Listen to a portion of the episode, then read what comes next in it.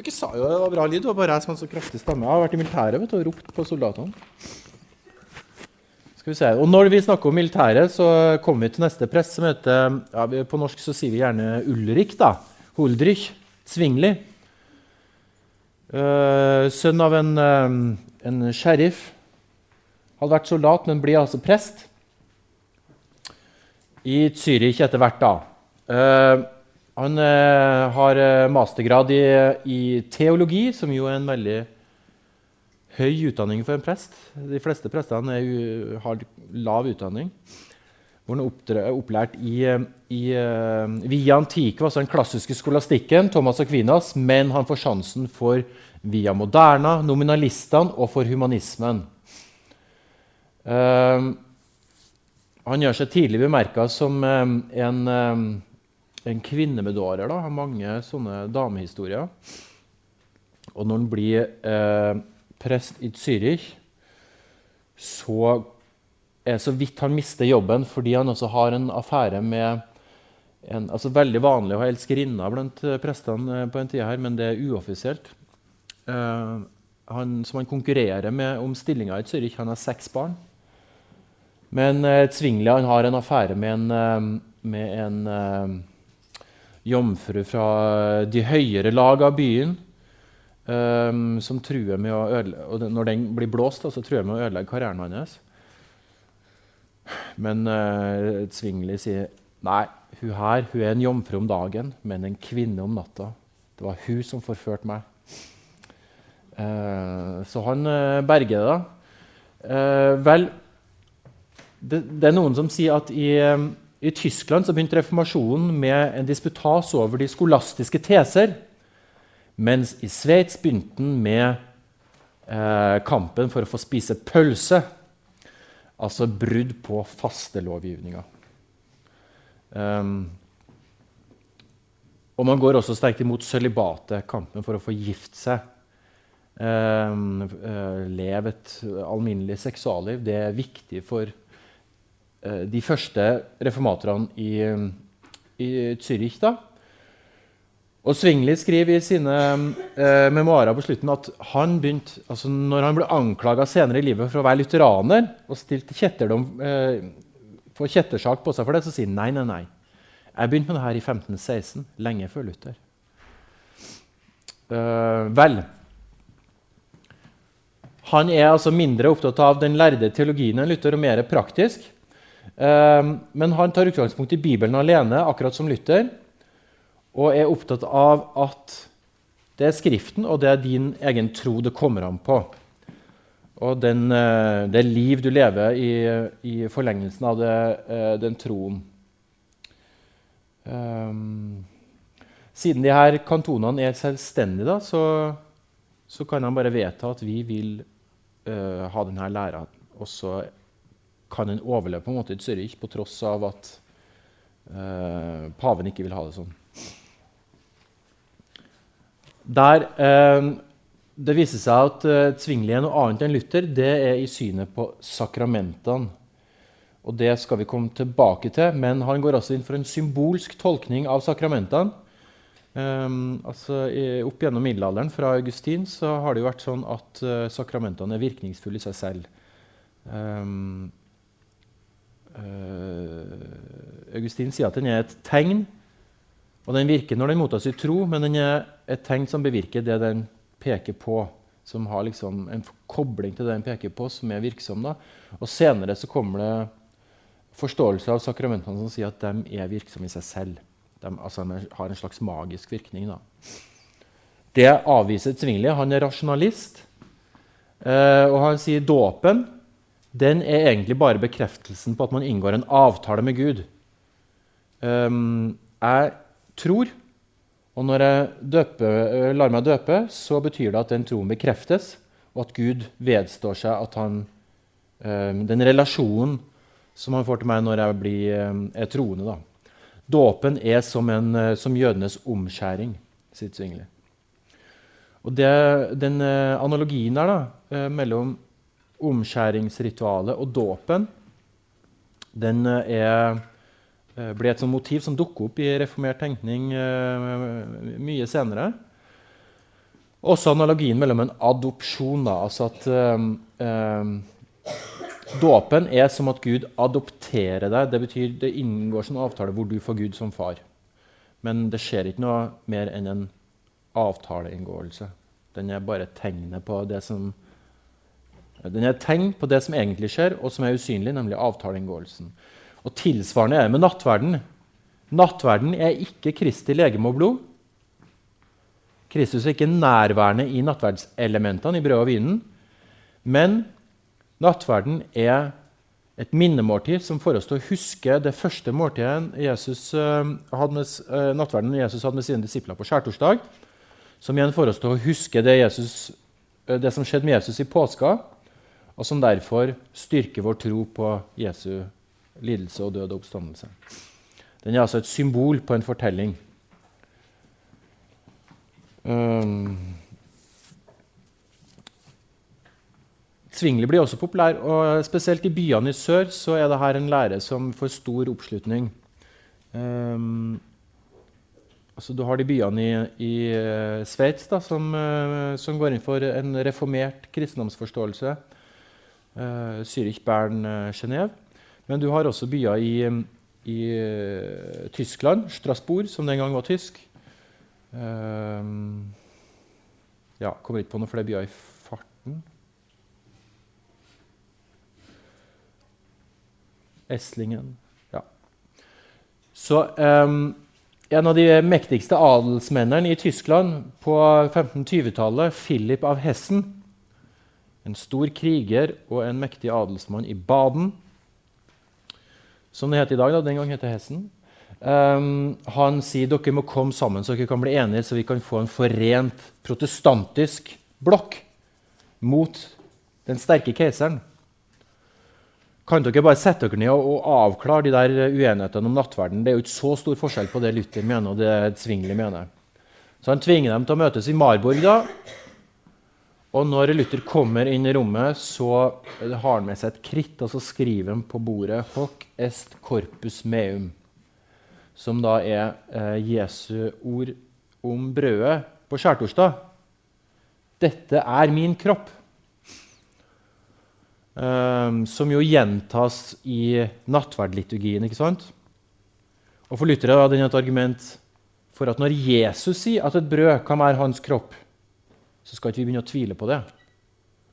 For da står det i Bibelen. Og da må de metafysiske eh, overvurderingene, hvorvidt det her passer med overtro eller fornuft, det får komme i andre rekke. For når Jesus sa 'dette er min kropp', så kunne han da tenkt på sin egen kropp, for den er jo alltid hans kropp. Det hadde jo vært nonsens. Han måtte jo tenke på det brødet. Mens eh, Zwingli var ikke med på det i det hele tatt. Og dermed så skjærte det seg helt. De kom ingen vei og ble fiender for resten av livet.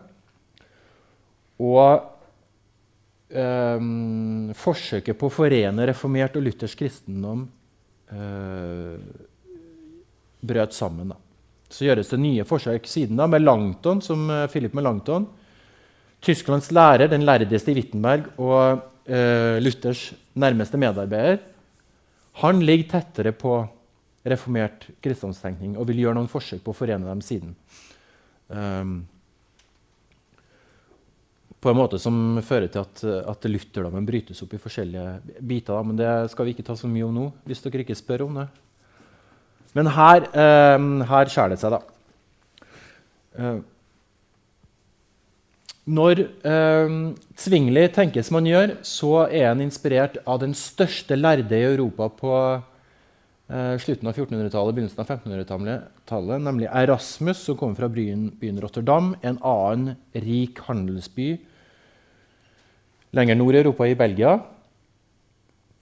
um, som er enormt viktig for uh, europeisk lærdomskultur. da.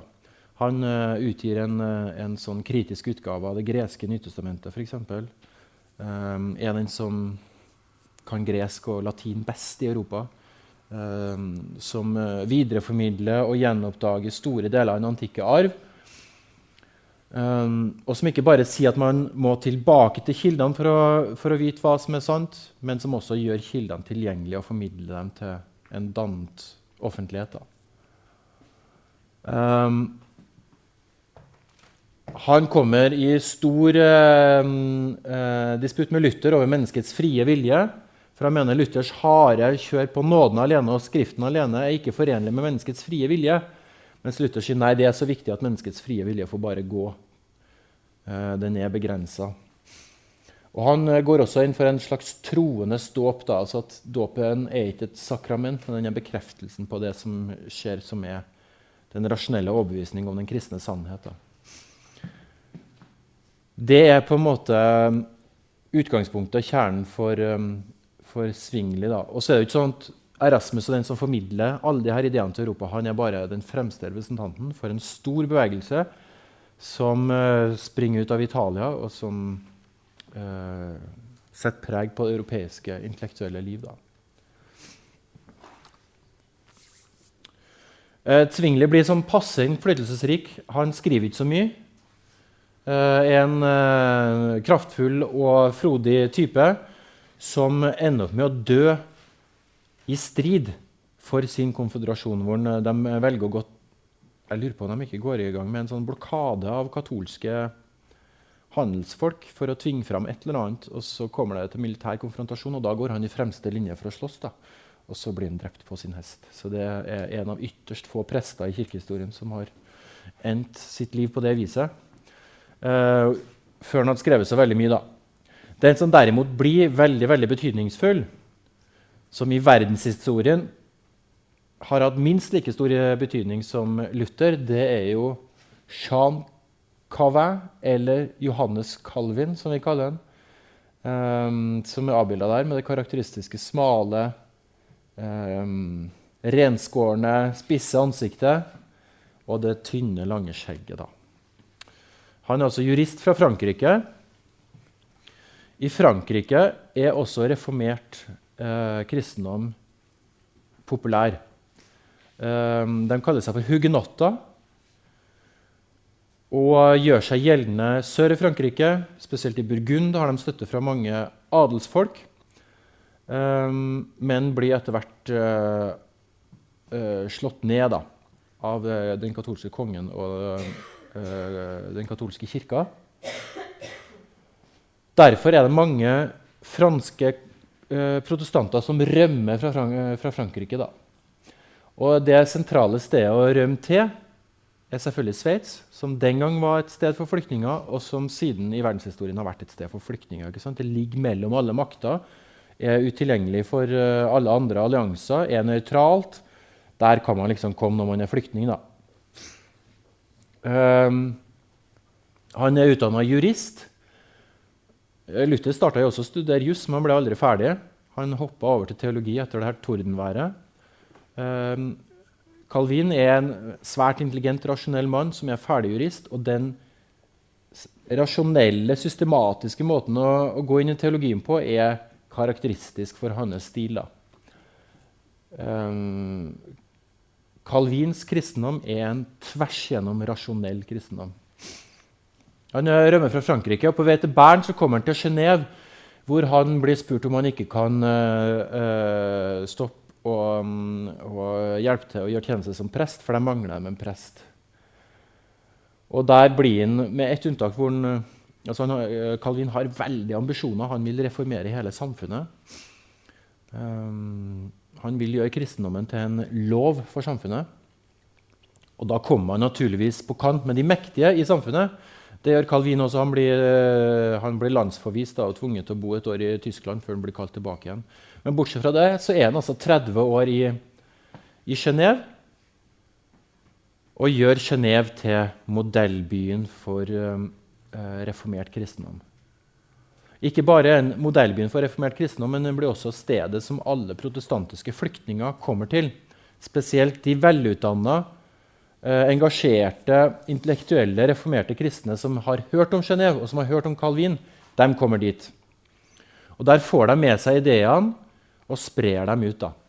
Så det er en flyktningeby som også blir et uh, intellektuelt uh, sentrum, da, med masse boktrykkeri og med et kalvinsk seminar etter hvert for utdanning av kalvinske prester. Eh, og en av de som drar dit, er en som rømmer fra uh, Mary Tudor, uh, som, uh, driver, som, driver rekatolisering av England og Skottland, nemlig John Knox, som siden blir reformatoren for Skottland. Skottland blir reformert. Uh, og han sier uh, om Genéve at er the most perfect school of Christ there ever was in this earth since the days of the apostles. Så det er et idealsamfunn, da. Vi skal gå litt inn på um, teologien um, um, Teologien til Calvin først. Calvin er som svingelig um, inspirert av humanistene og av nominalistene. Vi lærte om nominalistene uh, uh, første timen ikke sant? med uh, Dun Scottus og William Ockham, som sier at det ikke er en nødvendig sammenheng mellom eh, språket og vår virkelighet og det hinsidige. Den er um, tilfeldig. Så når Gud har noe med vår verden å gjøre, så er det fordi Gud har gitt oss noen løfter. Han bryter inn i vår verden. Og grunnen til at Gud gjør det, er ikke bare fordi han vil oss godt, men fordi han er fri. Så Gud er ikke bundet av vår fornuft, Gud er ikke bundet av vårt språk og våre systemer. Gud gjør som han vil. Og nettopp derfor kan vi stole på hans ord. Da. For da har han bundet seg til, da har han kommunisert, henvendt seg. Um, så når um, Calvin tar utgangspunkt i nåden alene og Skriften alene, sånn som Luther Calvin leser Luther og syns Luther er fint. Han støtter ham i alt og tenker selv aldri at han er uenig med Luther, men det er han jo helt opplagt. Og um, til dels så kommer de uh, i disputt om, uh, om, synet på politikk og stat i sin tid. Den verdslige øvrighet. Men de kommer ikke i noe særlig polemikk. Det er først etterkommerne som kriger med hverandre. Um, men Linda Woodhead skriver om Calvin at mens nåden alene og Skriften alene for Luther handla om at man i en indre, emosjonell forhold til Gud opplever Gud som kjærlighet, som befrir en fra angsten og fordømmelsen, så er nåden alene og Skriften alene tolka til dels som et rasjonelt system hos Calvin, til dels er det tolka som uh, en forståelse av at Gud er ren vilje. Og det resonnementet som følger Hvis nåden er alene, så bestemmer jeg ingenting. Da er det bare Gud som bestemmer. Ikke sant? Den klassiske katolske lære er sånn Nåden er alene på én måte. Fordi frelsen og troen er en gave fra Gud. Den kommer i form av at Gud tilbyr nåden i sitt ord, ved sine hellige eksempler og ved sakramentene og kirka. Men den er ikke mer alene enn at vi må ta imot den og nyttiggjøre oss den. Så så mektig er ikke Gud at han bare kan tvinge oss. Vi må liksom ta imot det.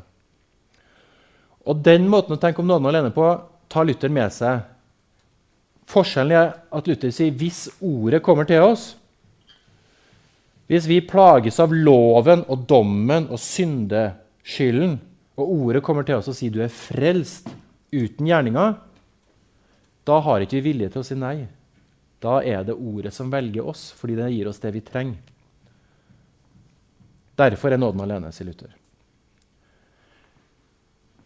For Calvin derimot så er nåden alene fordi Gud er ren vilje.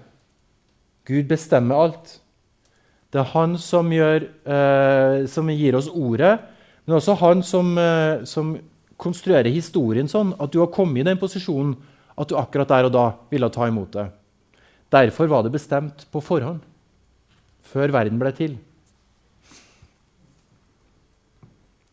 Så Gud, Når Gud er ren vilje, så er det fordi Gud er allmektig, og den allmakten den utspiller seg i alt som skjer. Dette er fra den mest berømte boka hans, uh, som kom i mange opplag. Første gang i Bali i 1536, tro. Um, kristendommens uh, grunnsetninger. Vet du hva den heter på norsk?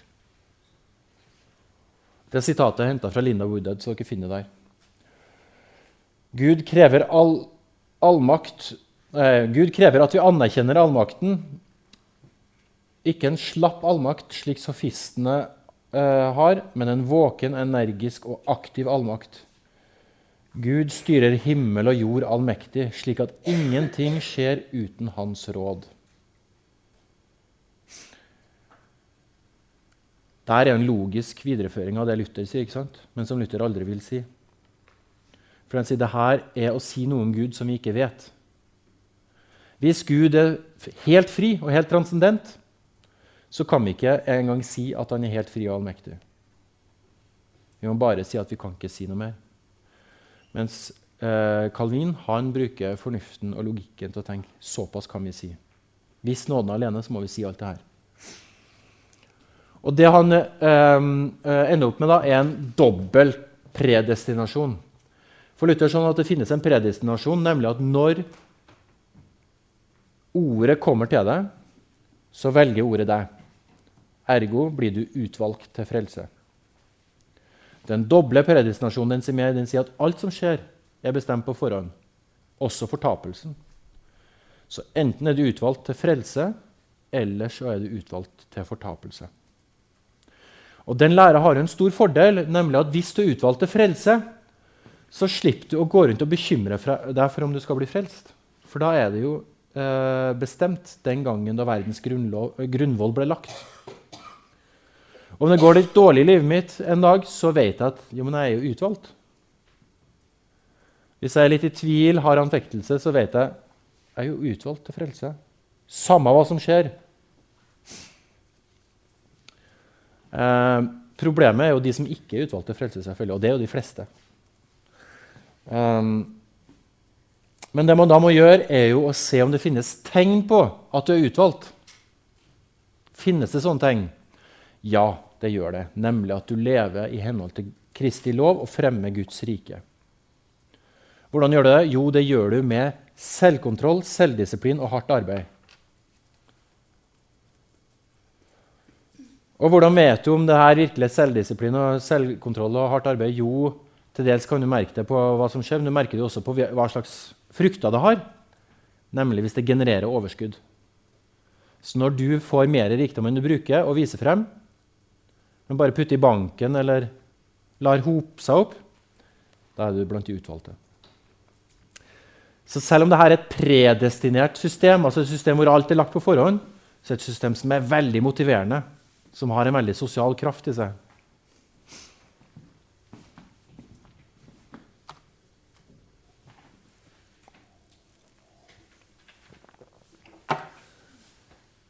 Bibelen alene har han til felles med Luther og humanistene, men han bruker Bibelen annerledes enn Luther. og Det er først og fremst i bruken av Det gamle testamentet at han skiller seg fra Luther. Fordi Luther sier at i Bibelen har vi to ord, eller to gjerninger som står i strid med hverandre. Vi har loven, og vi har evangeliet. Loven sier du skal gjøre det, du skal gjøre det, du skal gjøre det.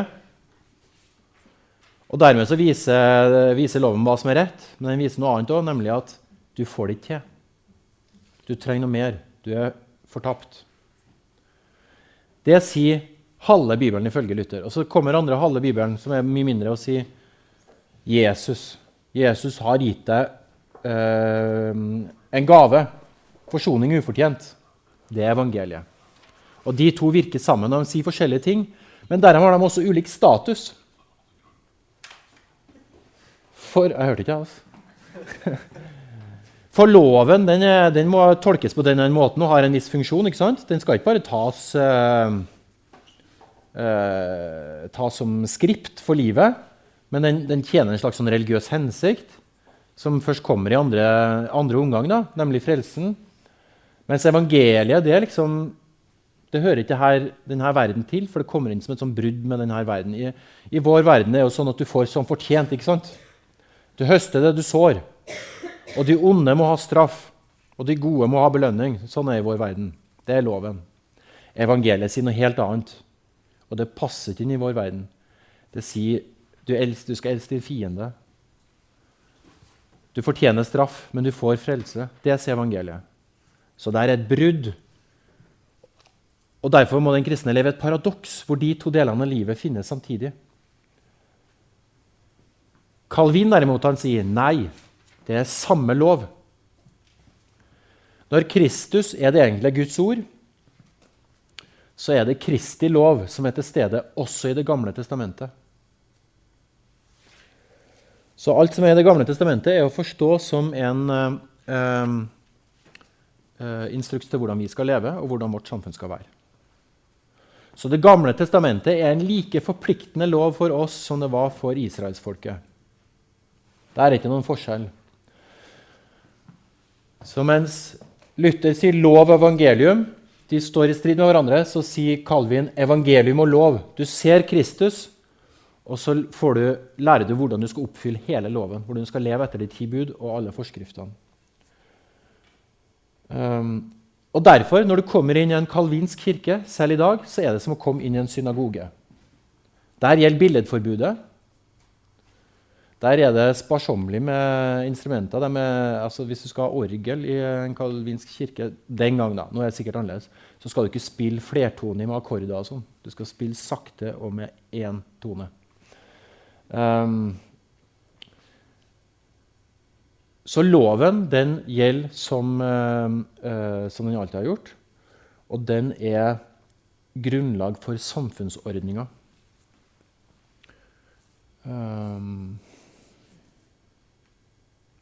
og Den kristnes oppgave er altså ikke at man skal frelses til eh, et, et, eh, et uplaga sinn. Eh, et ubekymra hjerte, liksom, sånn som det er Luthers mål. Målet er Guds rike, Kristi herredømme. hos Augustin som dere sikkert husker, så finnes det to byer. Det finnes denne verden, og så finnes det Guds by. Guds by er en visjon.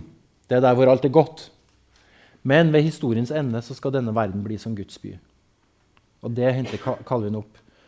Den kristnes mål er å fremme Kristi herredømme her på jorda. Og derfor gå inn for å gradvis omforme de politiske strukturene sånn at de er i henhold til Kristi lov og Kristi herredømme. Um, ja. Så Derfor så utspiller det kristne livet seg ikke i tro og følelse, først og fremst sånn som hos Luther, men i handling og liv, i et bedre samfunn. Um, og Når det kommer til kallslæra, så sier jo Luther kallet ditt er å bare stå i den, den stand og det kall du har. Hvis du er mor, så skal du være en god mor. Hvis du er skomaker, så skal du være en god skomaker. Um, og så um, er det denne verdens orden. Og en gang når verden blir ny, så blir det noe helt annet. Det kommer fra Gud uten vår medvirkning.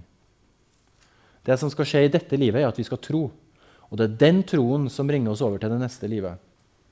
Hos Calvin derimot så er det en gradvis overgang fra denne verden til den neste. Denne verden skal gradvis forbedres, og du er kalt til å bidra til den forbedringa. Ergo er det en mer offensiv og ambisiøs kallslære. Du skal ta på deg noen store oppgaver som kan forandre verden til et bedre sted, til Kristi rike. Um, og hvordan gjør du det? Jo, det gjør du litt sånn som med israelsfolket. Når Gud kalte israelsfolket, så kalte han dem til noen umulige gjerninger. Sendte dem ut i ørkenen, hvor de vandra i 40 år. Så de kom til et lovet land som var fantastisk. ikke sant? Sånn er det med kirka også. Kirka er Guds folk, sånn som israelsfolket var, som er utvalgt til å eh, gjøre det umulige. Da. Og, da, og, der er det en enorm sånn samfunnsendrende impuls. Da. Og den typologien, kirka eller folket som eh, israelsfolket, den blir veldig kraftfull i, i eh, kalvinsk kristendom. Jeg var f.eks. i Sør-Afrika her for et par år siden. Eh, hvor eh, det kom nederlandske eh, kalvinister på var midt på 1600-tallet. Og hugenotter fra Frankrike, kalvinister, som dro dit fordi de var forfulgt. ikke sant? De fikk ikke lov å dyrke sin uh, tro der de kom fra. Uh, kalvinismen ble jo godkjent i, i uh, altså Nederland ble et eget rike. da, uavhengig av Spania, først på slutten av 1600-tallet. Så De er også en religiøs minoritet. og De drar altså til Sør-Afrika, hvor de skjønner at vi er Guds folk. Så kommer de i land helt sør i Cape Town. Og så Der er jo portugiserne og engelskmennene og sånn, de må dra videre opp. Så drar de gjennom innlandet, territoriene, med masse fiendtlige folk som angriper dem. Og så kommer de til Pretoria, hvor de oppretter sitt kristne rike. da, ikke sant? à la Genéve. Og på veien ble de jo rasister, drept masse innfødte. Og etter hvert eh, på nokså sent, da, men, eh, men, inspirert av, eh, av nazismen i Tyskland, så opprettet de apartheid på 30-tallet. Um, I 1930-tallet. Men før vi kommer dit, da, så har de også forstått seg sjøl som Guds folk, som skal opprette et, et uh, nytt samfunn som er kristent. Og i minnesmerket i Pretoria over foretrekker, altså uh, reisen fra kysten og inn i landet, så er det en frise da, som er nederlendere med vogner og hester som er tegna akkurat som israelsfolket gjennom ørkenen. Og I midten av det store monumentet det er et monument på størrelse med en svær boligblokk, bare at det er helt tomt inne, fullt av friser og um, utsmykninger. I midten så ligger en liten kiste og når klokka er tolv på dagen, så kommer lyset rett ned på den kista. Og den kista der står det liksom grunnlagsdokumentet og pakten med Gud som man har for å, og som takk for at man kom dit man skulle. Det er paktens ark som israelsfolket bar med seg gjennom ørkenen. ikke sant? Og denne typologien den gjør kalvinistene offensiv, utholdende, usårbar i motstand. Det er tøffe folk, rett og slett.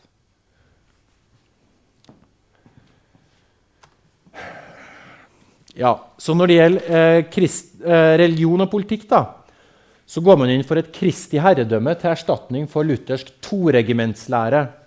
Luther sier det finnes to forskjellige regimenter, det kirkelige og det verdslige. Det verdslige er det som hersker her på jorda, som å holde det ånde i sjakk med sverd. Det åndelige er der hvor Guds ord hersker, og det hersker bare over sjelene, ikke over eh, materien eller over det konkrete. da. Nei, Kristi herredømme skal gjelde over det hele, sier Calvin. Og En måte å få det til å skje på er ved å opprette konsistorium, som er altså Mens eh, katolikker og lutheranere er opptatt av, eh, av presteembetet, um, at det finnes noen som har fortolkningsmyndighet og læremyndighet, som skal liksom styre kirka, så er Calvin opptatt av lekfolket. Det er eh, folket med alle de forskjellige funksjonene som skal styre kirka. Og de fremste i det er og det består altså av eh, prester, diakoner, lærere og eldste. Og eldste det er de fremste moralske av de gamle i samfunnet som skal overvåke menighetens moral. Og De inngår i noe han kaller et konsistorium, som eh, skal stå for uh, eh, samarbeid med den politiske myndigheten og den moralske overvåkninga over livet til alle i menigheten. Um, og I Genéve er det sånn at de som er eh, ledere for eh, domssystem og politisystem og sånn i det verdslige, de sitter også i det eh, kirkelige konsistorium. Så du har altså en gjeng som følger med, som har sine eh, forgreninger i samfunnet, som overvåker hvordan går det nå i familielivet der, hvordan det er med læra hos han, og hvordan det er med tukten hos hun. Og Så rapporterer de, og så diskuterer de det i konsistoriet. Og når det er noen som, eh, som eh, faller utenfor, så kan de f.eks. bli ekskommunisert, utvist fra samfunnet, som jo er et sosialt og økonomisk stigma. Eller den kan bli overgitt til den verdslige eh, rettsmyndighet.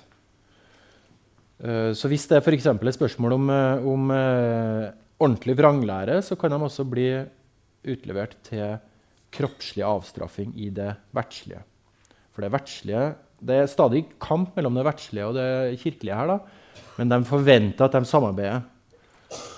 Og når kamp, det viser seg at selv om de har ulike interesser, så er det den kalvinske forståelsen av moral og rett som, som slår igjennom etter hvert. Så det har altså hendt at de blir utlevert til tortur og henrettelse fra de kirkelige konsistoriene. Um, og den, den uh, verdslige lovgivning da, preges veldig av innspillene fra konsistoriet. Det blir f.eks. i uh, Skottland forbudt å gjøre noe annet enn å gå i kirka på søndag. Uh, det finnes tuktefedre som går rundt og sjekker hva folk gjør når det er kirketid. Hvis de går rundt og henger istedenfor å være i kirka, så må de rapportere til konsistoriet. Og så får de kanskje en mild straff der, men hvis de ikke gir seg, så går prosessen videre. Eller med seksualmoral. selvfølgelig. Det viser seg at en veldig stor andel av sakene handler om seksualmoral. Så derfor så, For noen så er Genéve mønstersamfunnet, hvor folk lever rent og perfekt. For andre er det den kjedeligste byen de noen gang har vært i. Det tristeste sted på jord. Vel, i Tyskland så får du et fenomen etter hvert som kalles den andre reformasjon. Altså frem til 1560 så er lutherdommen veldig eh, suksessrik i Tyskland. Eh, katolske områder mister oppslutning. Til slutt er det bare Bayern igjen som er skikkelig katolsk. Og de fleste går over til lutherdommen. Eh, men så oppdager man at hvis du skal forandre noe, du skal få et bedre samfunn, så er jo reformert kristendom som er tingen. Og da er mange som skifter side, og som går over til eh, reformert lære. Allerede på 1530-tallet går, uh, går Philip Hessen over til reformert lære, og Heidelberg blir lærdomssenteret for reformert teologi. Det er det fortsatt i dag. Um, og mange lutherske områder blir inspirert av de her kalvinske systemene med tuktefedre og sånt. da. Uh, og Det kaller man den andre reformasjonen. Den første reformasjonen er uh, reformasjonen av troen og følelsen. Den andre reformasjonen er reformasjonen av, uh, av livet. ja.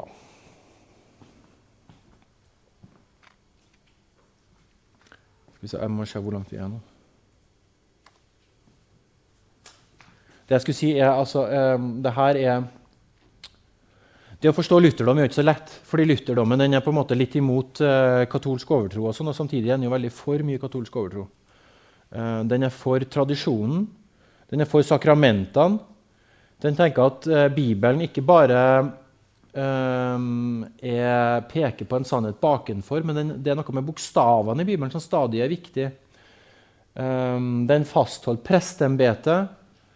Den uh, innfinner seg med den, uh, den uh, værende samfunnsorden.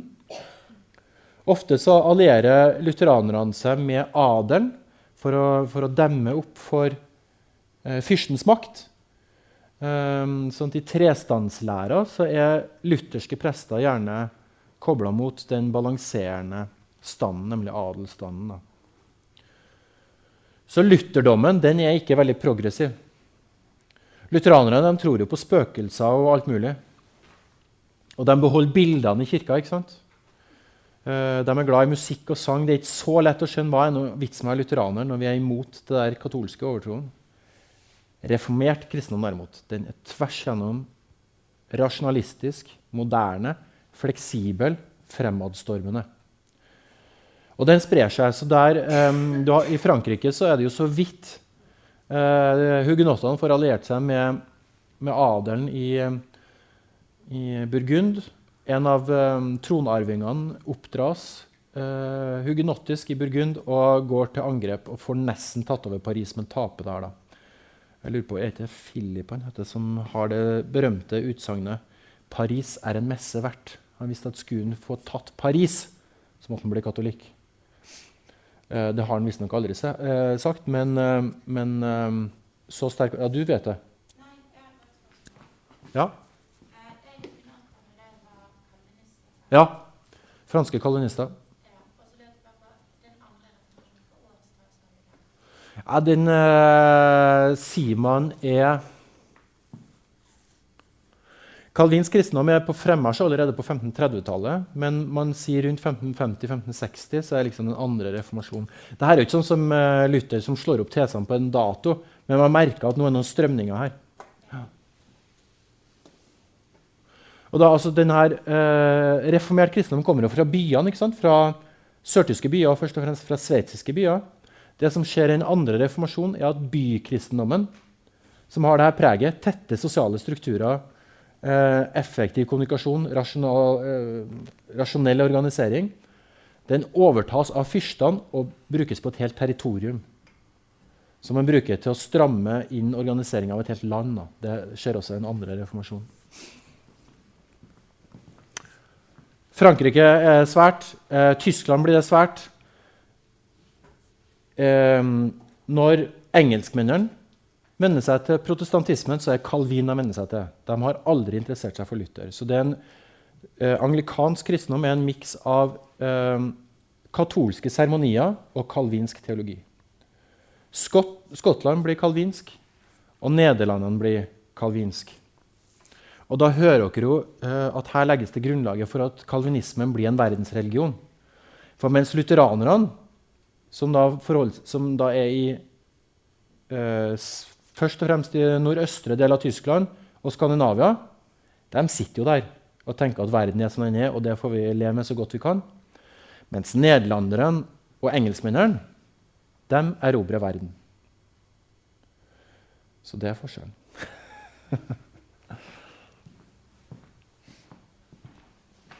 Nå må jeg ha pause. Skal vi snakke litt om eh, radikal reformasjon?